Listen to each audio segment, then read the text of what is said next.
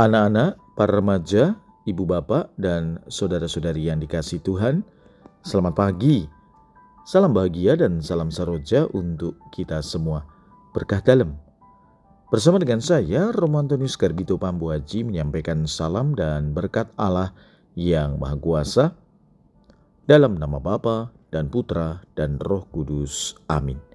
Hari ini Rabu 21 Februari dalam hari biasa Pekan Prapaskah pertama.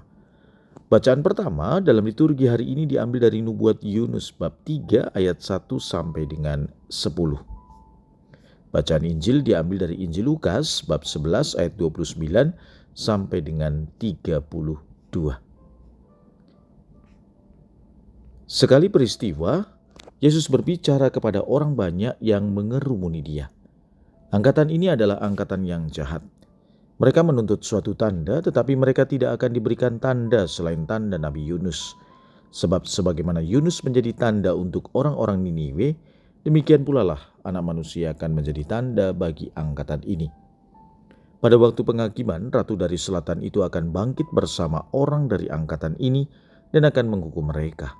Sebab ratu ini datang dari ujung bumi untuk mendengarkan hikmat Salomo, dan sungguh yang ada di sini lebih daripada Salomo. Pada waktu penghakiman, orang-orang Niniwe akan bangkit bersama angkatan ini, dan mereka akan menghukumnya.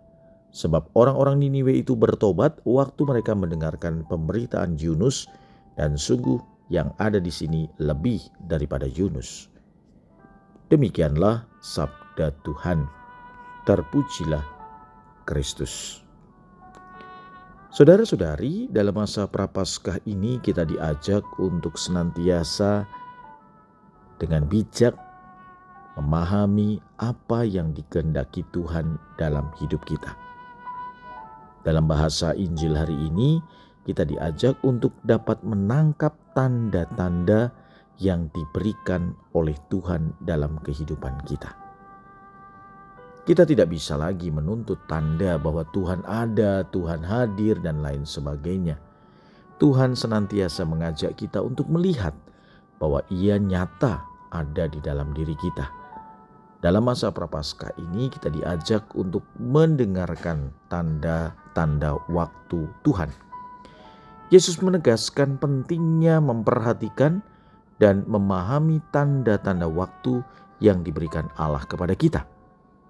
Seperti orang banyak yang tidak peka terhadap tanda-tanda yang diberikan kepada mereka, kita pun harus mengakui sering kali terlalu sibuk atau terlalu terbenam dalam kehidupan sehari-hari, sehingga tidak melihat tanda yang dihadirkan oleh Allah.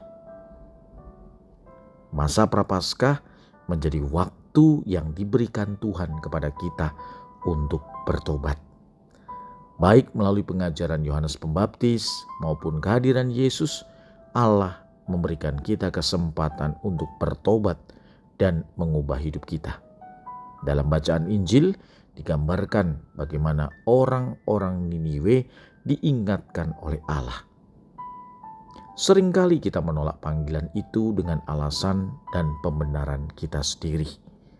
Oleh karena itu, sekali lagi, masa Prapaskah menjadi saat kita dipanggil oleh Tuhan untuk semakin dekat dengan Dia dengan taat dan bijaksana dalam menerima hikmat Allah, maka kita akan mendapatkan keselamatan dan hidup yang bermakna. Marilah kita berdoa. Ya Tuhan, bantulah kami untuk tidak menolak panggilan-Mu untuk bertobat dan mengubah hidup kami. Berkat Allah yang Maha Kuasa dalam nama Bapa dan Putra dan Roh Kudus. Amin.